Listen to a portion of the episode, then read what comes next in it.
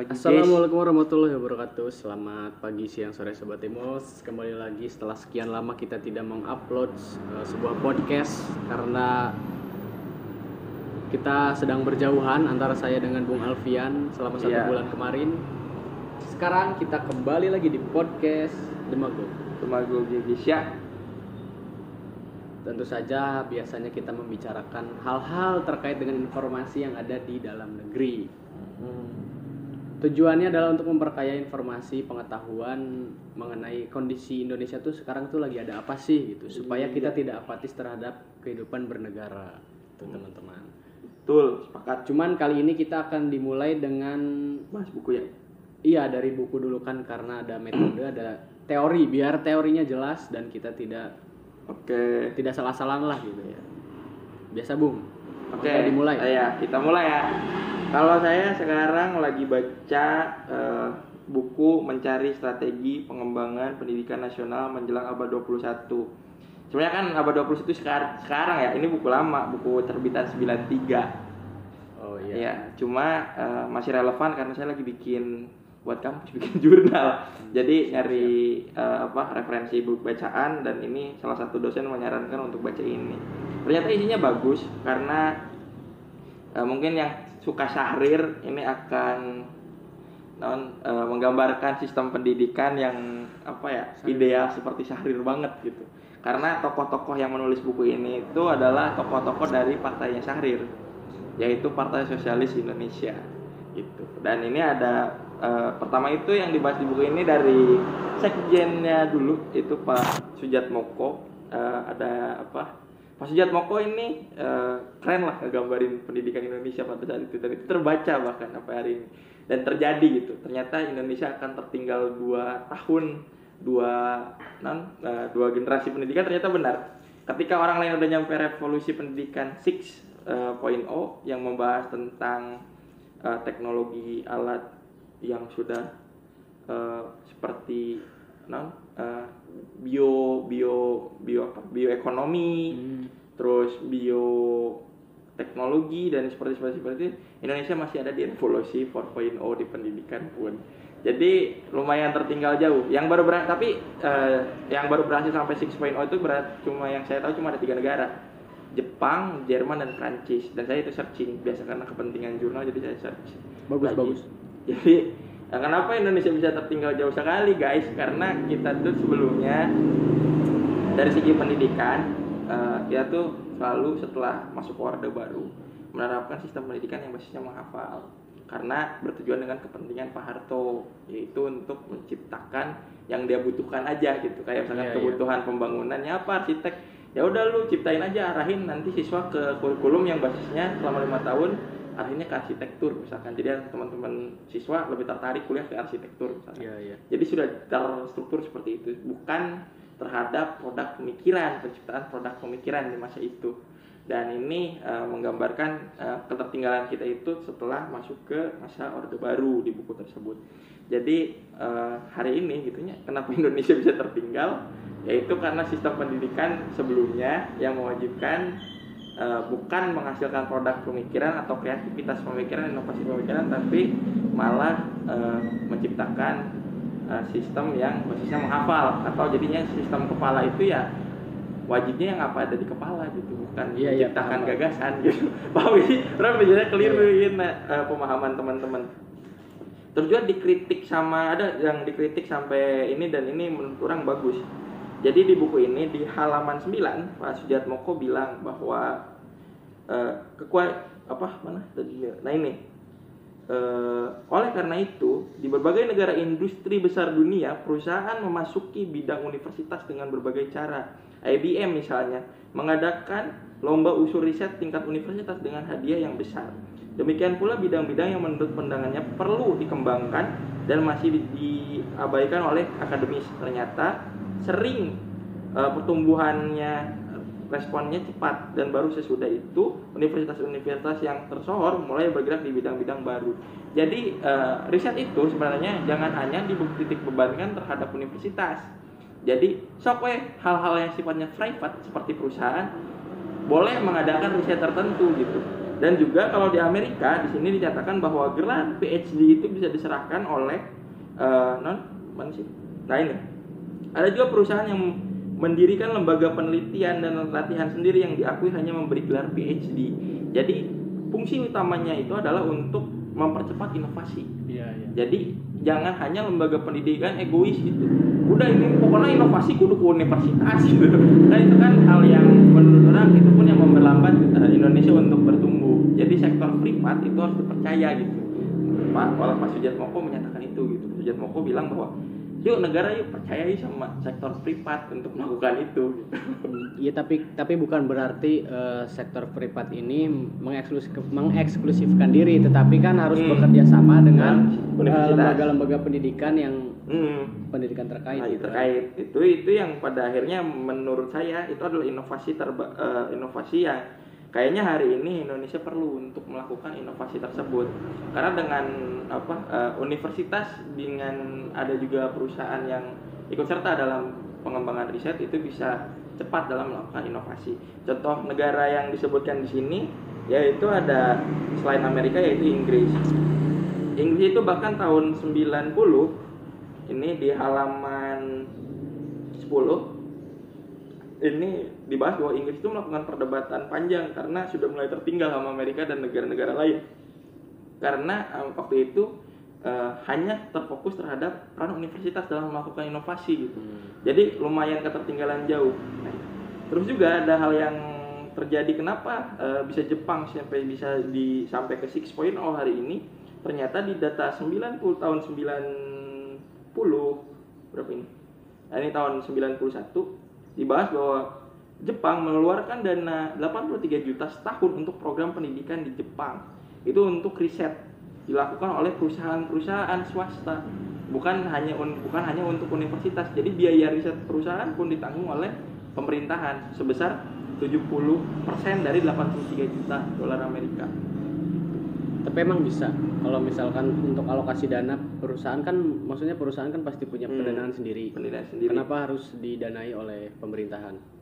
untuk mendorong kalau di sini kan dijelasin kenapa Jepang melakukan eh, percepatan 75% itu adalah karena Jepang di saat itu masih tertinggal jauh dari negara-negara yang lain seperti karena dia masuk ke negara dunia kedua dia merasa bahwa dia masih banyak musuh yang bukan banyak karena negara dia kata dia kalau misalkan kita melihat Jepang di saat itu gitu ya masih dijelaskan juga dari konstruksi sosial di masa itu mana sih Nah, ini resiko masyarakat tertinggal sejarah terlampau besar. Misalnya, sistem pendidikan di Jepang dianggap tidak mem- memadai karena kekurangan mutu, dana, dan daya, maka jumlah anak elit yang dikirim ke luar negeri sebelumnya mencapai tingkat sarjana makin besar. Jadi untuk menghalangi non eh, elit-elit yang menyekolahkan anaknya keluar gitu untuk perce- mempercepat sistem pendidikannya dan riset-risetnya itu ngelakuin mengeluarkan menggelontorkan dana lebih tinggi ke swasta juga gitu. Untuk apa?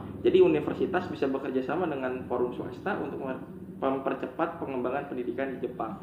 Kalau kalau di Amerika sendiri itu sektor privat pun sama ada pendanaan riset yaitu dari mana? Tadi yang 200 PSD. Nah ya, eh, cuma kalau di Amerika itu dihitungnya eh, 20% dari aset. Jadi misalkan aset aset perusahaan misalkan satu miliar, nah itu tuh cuma dapat 20% misalkan dari pemerintah dapatnya. Jadi kumaha gedena persentase penghasilan manena gitu. Jadi emang di negara-negara hari ini, negara-negara maju gitu, melakukan itu gitu untuk percepatan inovasi. Kenapa Jerman dalam segi otomotif bisa berkembang maju dibahas juga karena Jerman melakukan inovasi yang fokusnya terhadap bidang itu dan Volkswagen atau VW itu diawali dengan pendanaan juga dari pemerintah dalam pelembagaan riset.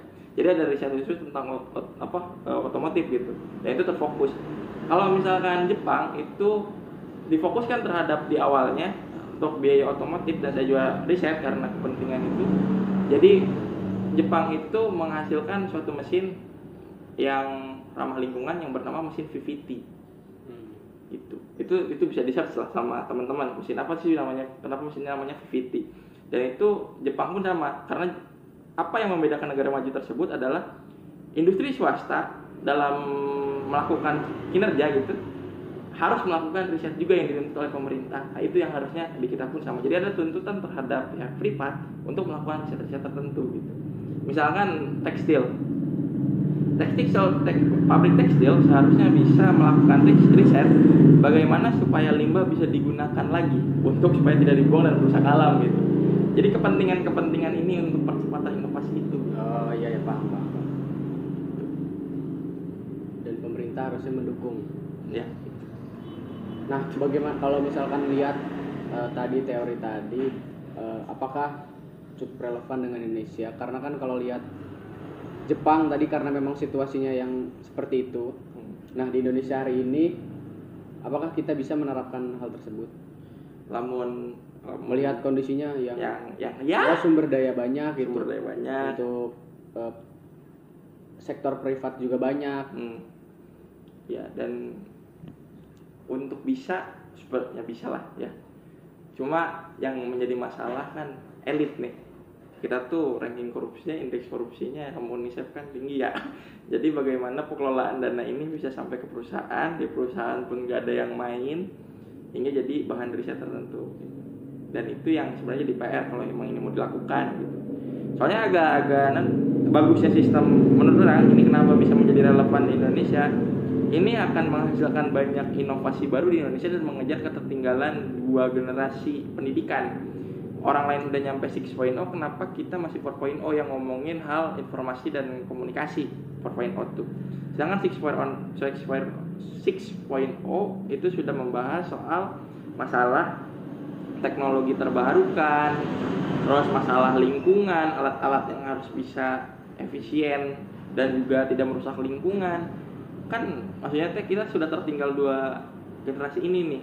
Dengan adanya itu melakukan inovasi dan juga kreativitas yang dilakukan oleh sektor privat dan bekerja sama dengan universitas setidaknya akan mempercepat menumbuhkan produk pemikiran baru di Indonesia.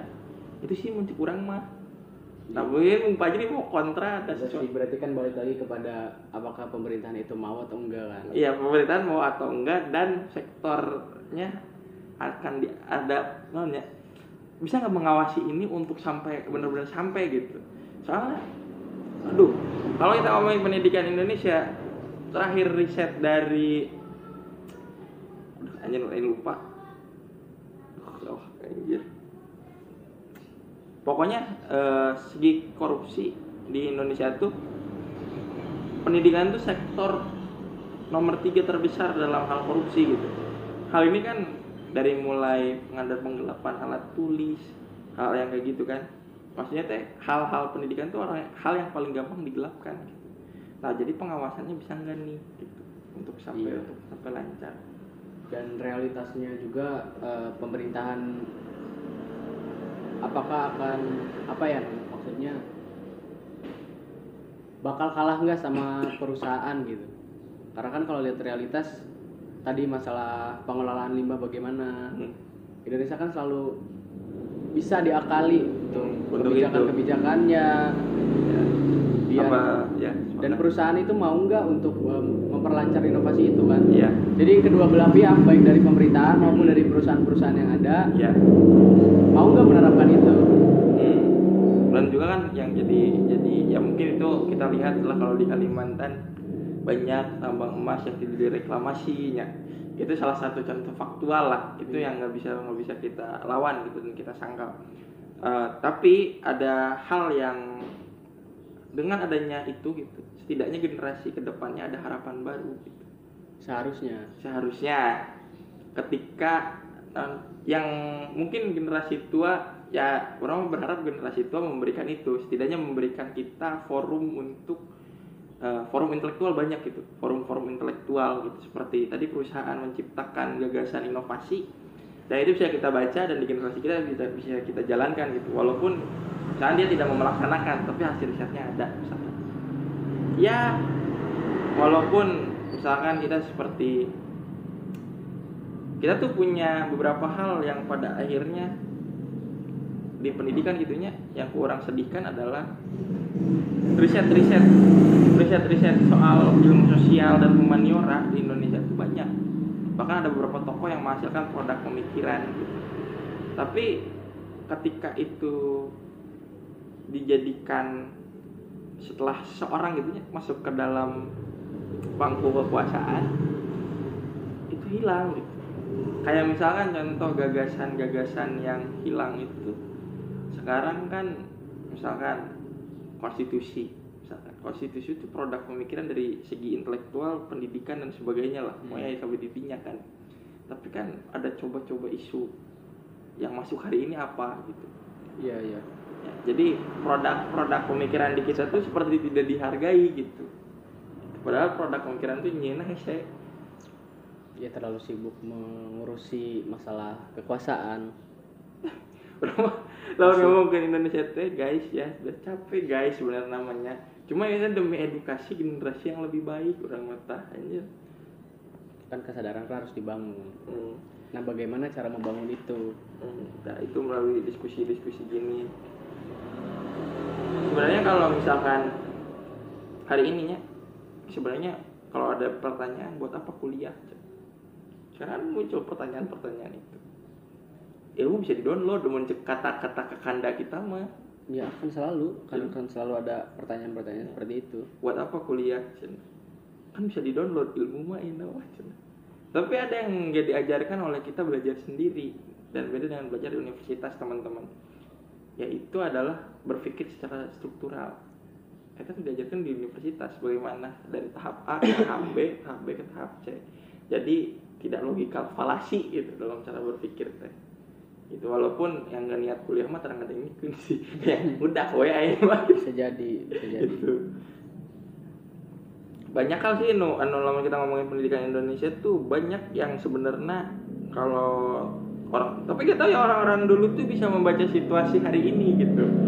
Padahal ini buku terbitan 93 ini udah 2022 bro. Masih relevan buku itu kan gunanya analisis adalah untuk memprediksi apa yang akan terjadi di masa yang kan risetnya nggak mungkin sehari dua hari kan. Pasti melihat indikatornya apa ada indikatornya ada variabelnya yang ditentukan. Dan itu semua riset yang apa dilakukan sama ini di buku ini relevan hingga hari-hari hingga tahun ayeuna gitu. Masalah Indonesia karena tidak mengambil langkah di pelita 5 soal masalah pendidikan masih seperti itu kita akan tertinggal dua masa generasi ke depannya ini udah dibahas di buku ini gitu. Dan itu terjadi gitu.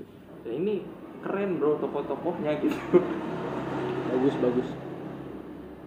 Dan itu Harus rekomendasi. dikembang- harus dikembang dikembangkan. Dan yang akhirnya dibahas di buku ini adalah kita tuh pendidikan kita itu menghindari di tingkat jenjang SLTA atau SLTP yaitu SLTP itu SMP SLTA itu SMA gitu.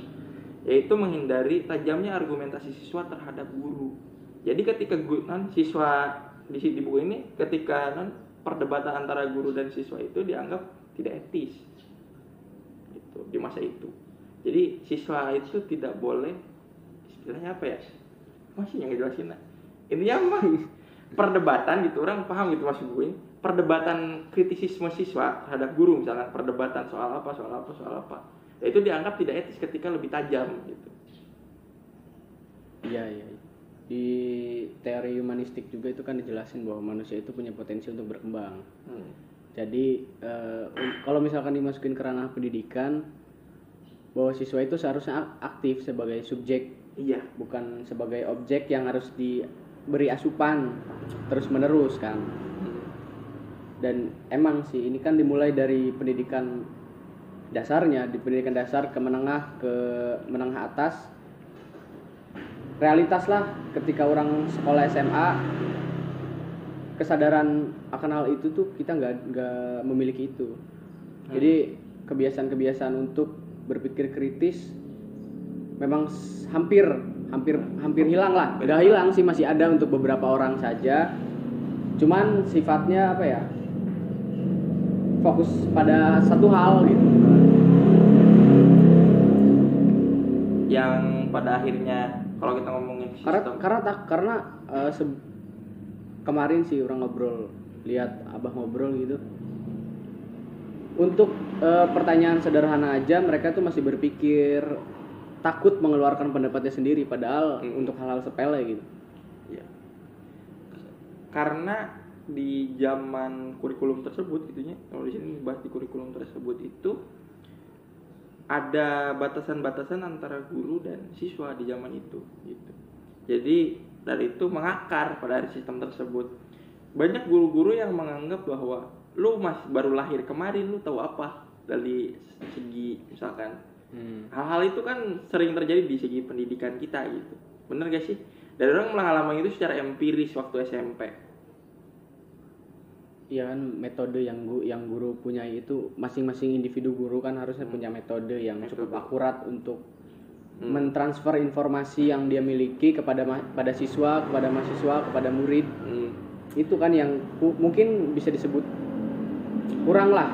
kurang Karena untuk di sekolah kurang gitunya waktu sekolah SMA, SD, SMP, SMA ada beberapa guru yang aktif eh, memancing pendapat dari siswa, tet- tapi kadang emang dari siswanya juga entah kurang paham atau memang karena takut. Hmm, Budaya takut itu yang, Yang harus di- dihindari dihindari. dalam pendidikan.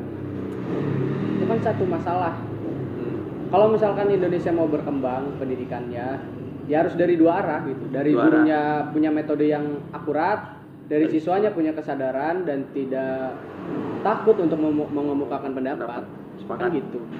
kalau misalkan dilihat eh, saya pernah ini ngutip bapak saya dulu guru itu harusnya bisa cari eh, hal yang bisa dikembangkan dari siswa bukan mencari kesalahan siswa Iya.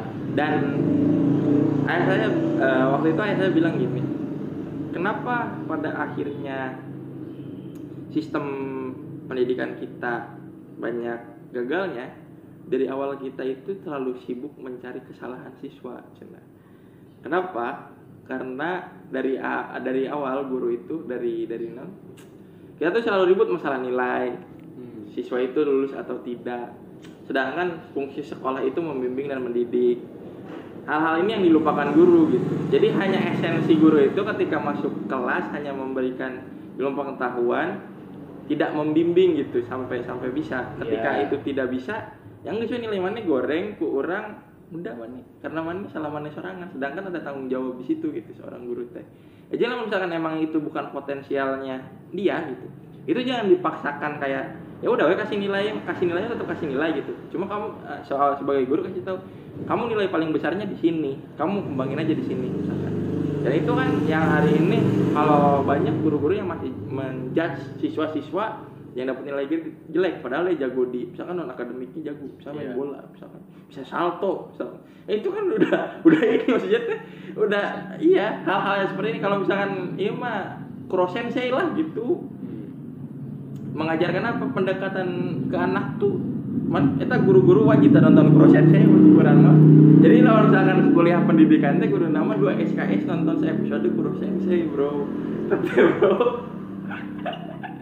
Udah apa apa apa apa paham gitu jadi guru kumaha Iya pada akhirnya kan guru menyalahkan siswa, siswa juga menyalahkan Menyalahkan guru. Pada akhirnya kan kita tidak pernah menemukan titik terang dari kualitas peningkatan kualitas pendidikan, di Pendidikan. Indonesia kan. Itu budaya budaya itulah yang harus kita rubah. yuk yuk Dan- yuk, yuk. eh pendidikan itu menurut orang bukan hanya pada satu sisi fokusnya yaitu pada sisi materialistis Hmm, yang sifatnya materialisme. Sepakat. tapi juga harus eh, menyeimbangkan dengan kebutuhan-kebutuhan rohani juga Hmm, menurut orang. Karena siswa itu adalah calon penerus negara. Kalau misalkan yang dikejar adalah materialisme hmm, hmm. tidak pun dia tidak punya sisi apa nilai-nilai yang ke- untuk kebutuhan rohani gitu karena akan bakal sama. Hmm. polanya akan sama seperti ya seperti hari inilah. Yang udah-udah ya. Hmm. makanya eh, kita tahu kan maksudnya kita udah bahas ini konsep trisentra itu sebenarnya udah ngajarin itu gitu. Bagaimana hal yang nilainya religi atau emosional ethics di dalam lingkungan masyarakat makanya alamnya dibagi tiga. Alam pendidikan alam keluarga dan alam lingkungan. Hmm. atau sosial atau alam pergerakan. Aja dan ini udah diajarkan. Sok eh, pengembangan religi dilakukan di rumah sama keluarga. Kembangin di sekolah nanti memperhalus soal religiusnya. Iya. kesadaran antara keluarga dan institusi pendidikan ini harus saling support juga gitu. Karena ini nggak bisa dilakuin sendiri. Yang jadi siswa harusnya paham juga bahwa Harusnya. harusnya bahwa di hidup dia itu adalah untuk meneruskan peradaban gitu Iya. gitu peradaban manusia ini gitu dan pada akhirnya ya belajar dengan serius karena kita punya peradaban gitu makanya yang pada akhirnya kurang bahas dari sistem pendidikan ini sebenarnya sistem pendidikan ini itu adalah sekolah harus mau berinteraksi dengan orang tua siswa orang tua siswa harus mau eh, berinteraksi dengan anak dan tidak menjudgment anak ketika salah tapi introspeksi dulu ke orang tua baru ke anak dan ngobrol gitu agar si anak paham si anak setelah itu praktikal secara empiris di lingkungan masyarakat Hmm. dengan Iya. ilmu yang dia punya itu survive entah itu dia bikin non eh, komunitas kecil untuk membantu dengan keilmuan yang dia punya dari sejak SMA gitu untuk non eh, bermasyarakat dan punya ilmu itu gitu. Dan itu kan mas orang dari segi pemerintah bekerja dari segi keluarga bekerja dari segi lingkungan bekerja. Dan ini non konstruksinya bagus itu. Nggak mau dikonstruk itu gitu. Cuma kan eh, mengutip dari Panadim eh, waktu kemarin kan eh, sistem pendidikan hari ini tuh masih egois gitu. Kalau misalkan eh, ke pemangku birokrasi dia bilang bahwa ya aturan-aturannya sudah ada ikuti aturan yang ada.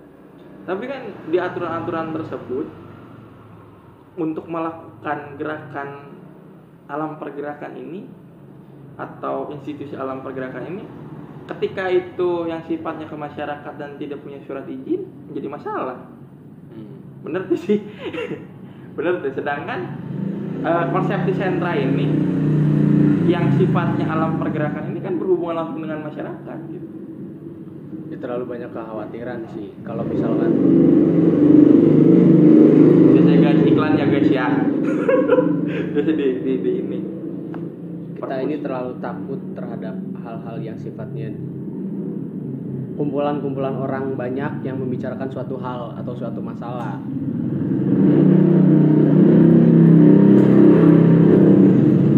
Sebatang rokok revolusi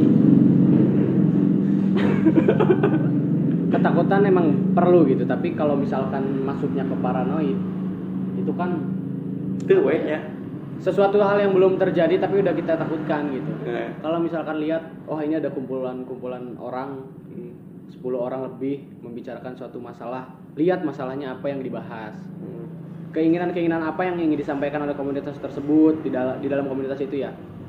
Nah itu yang selalu ditakutkan tuh itu. Takut makar lah, takut apalah. Dan juga pada akhirnya kan ada kelucuan-kelucuan ketika orang mau baca buku juga jadi teman mana yang nanyain bahaya? Enggak.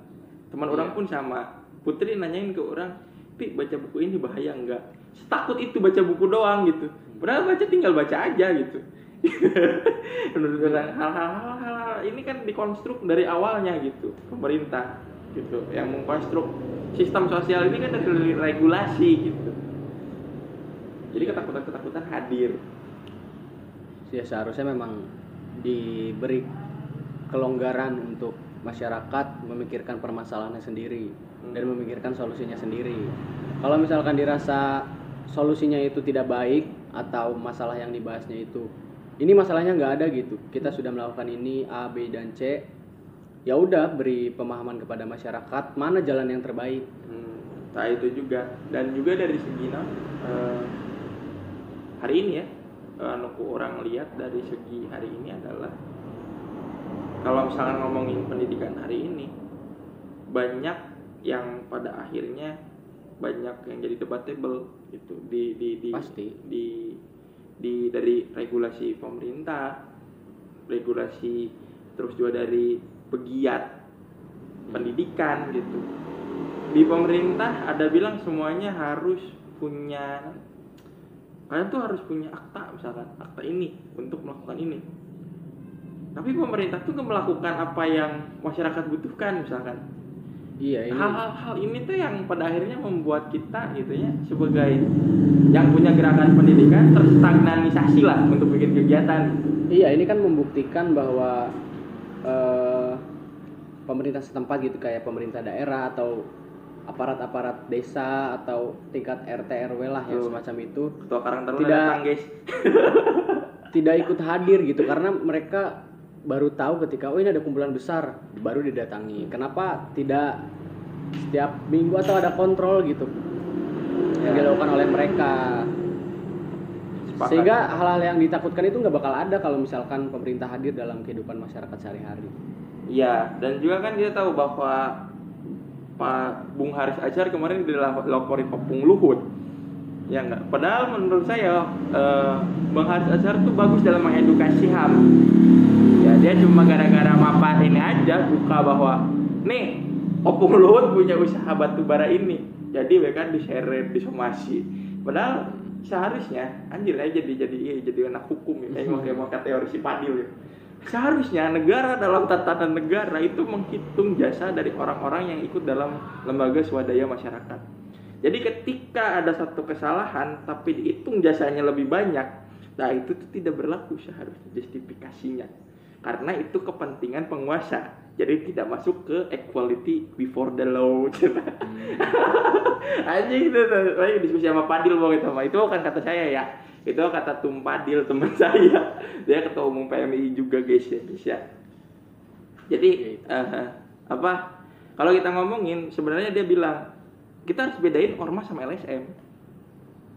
Itu juga yang kita. Sekarang di sistem pendidikan itu ormas itu pemeras pendidikan, LSM itu berbeda.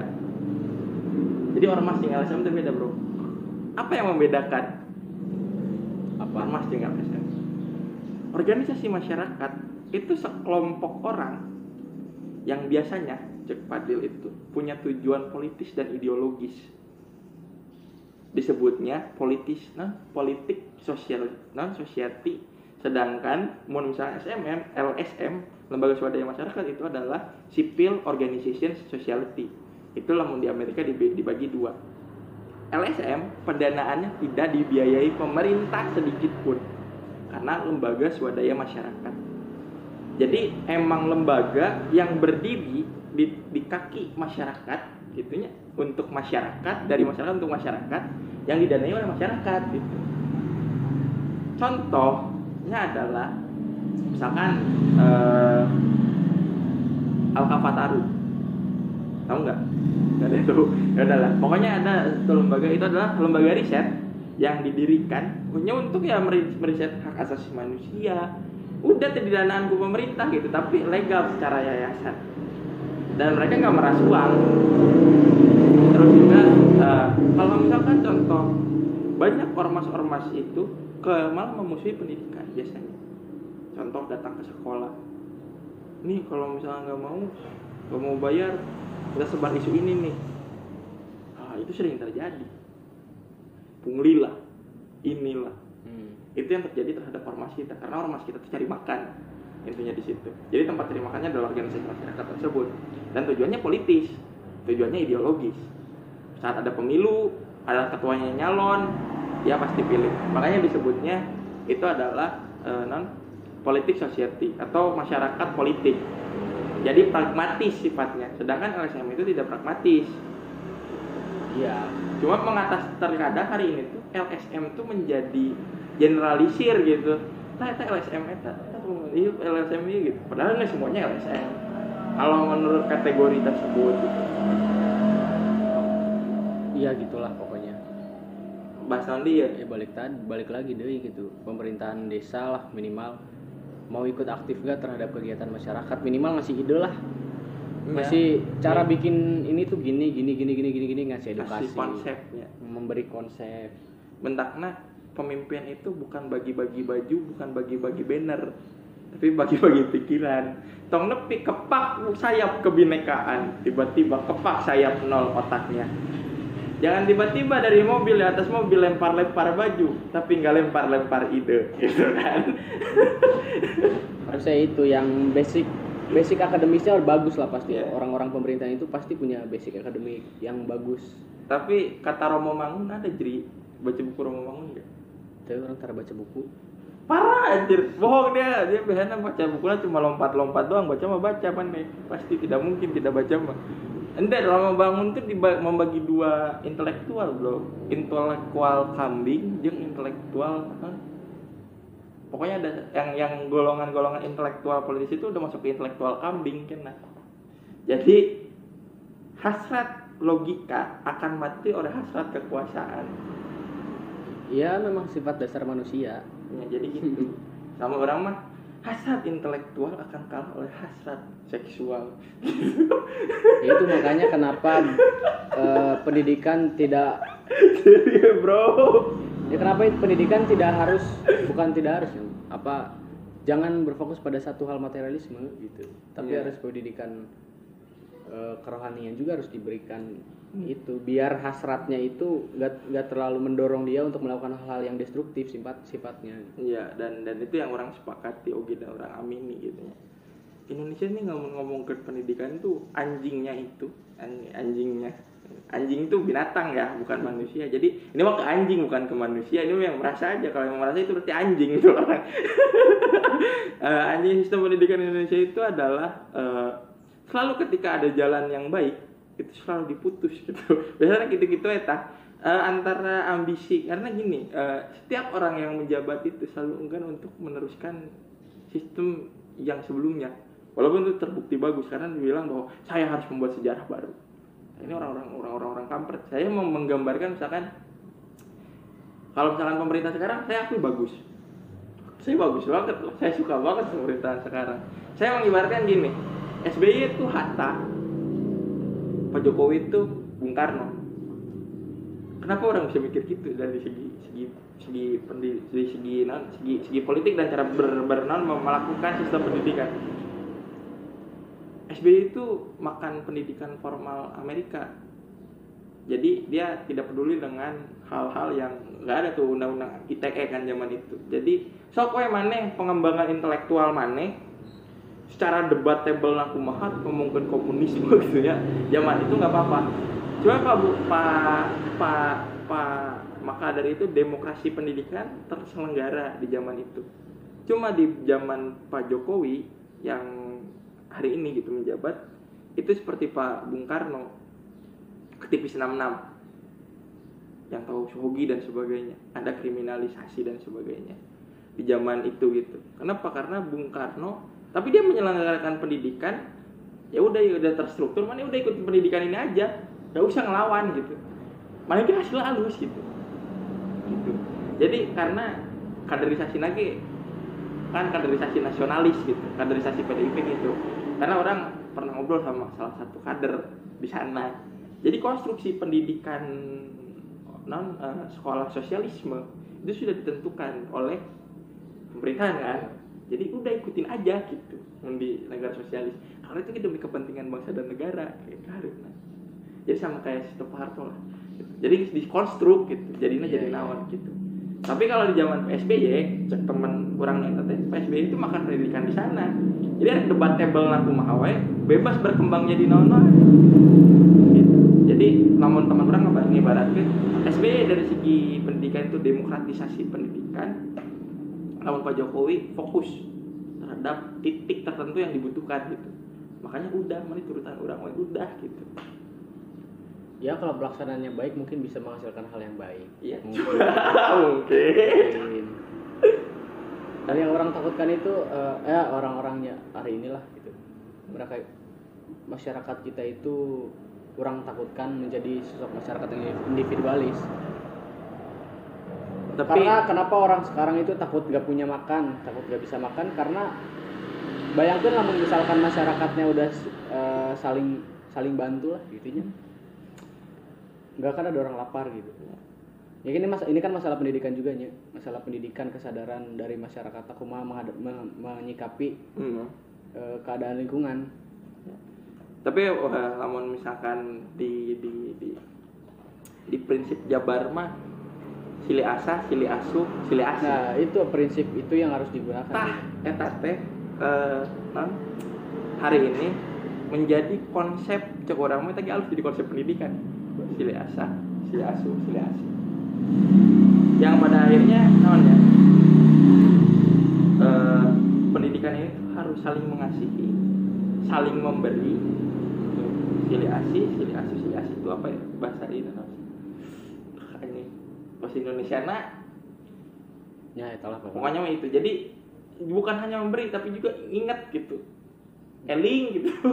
Gitu ke, ke segi-segi apa yang kita itu hidup secara sosial maka kita melakukan apa pun silih kasih sayang gitu. Jadi jangan hanya memikirkan diri sendiri. Kalau si pajri mah keren hanya di dia nuker ngumpul mana esensi mana jadi jelema teh keur naon? Tugas mana di Tuhan teh naon sih sebenarnya? Eta kan? Eta. Ya pada akhirnya puncak pendidikan adalah mencapai hal tersebut mau metode-metode apa yang kita upayakan, yang pemerintah upayakan, yang kita semua upayakan, pada akhirnya tujuan dari itu apa gitu. Puncak tertinggi dari keberhasilan pendidikan naon kan? Itu yang harus dipikirkan teman-teman. Ya, mungkin segitu aja. Udah itu aja lah ya guys ya, udah 40 menit guys. Karena takut eh, ngalor ngidul nggak buku eh, dari podcastnya. Kesimpulannya bisa ditarik sendiri dan mohon maaf bila informasi yang kurang jelas mungkin bisa didiskusikan. Dan rame juga ya guys ya. di podcast ke depannya salam literasi salam provokasi untuk hal baik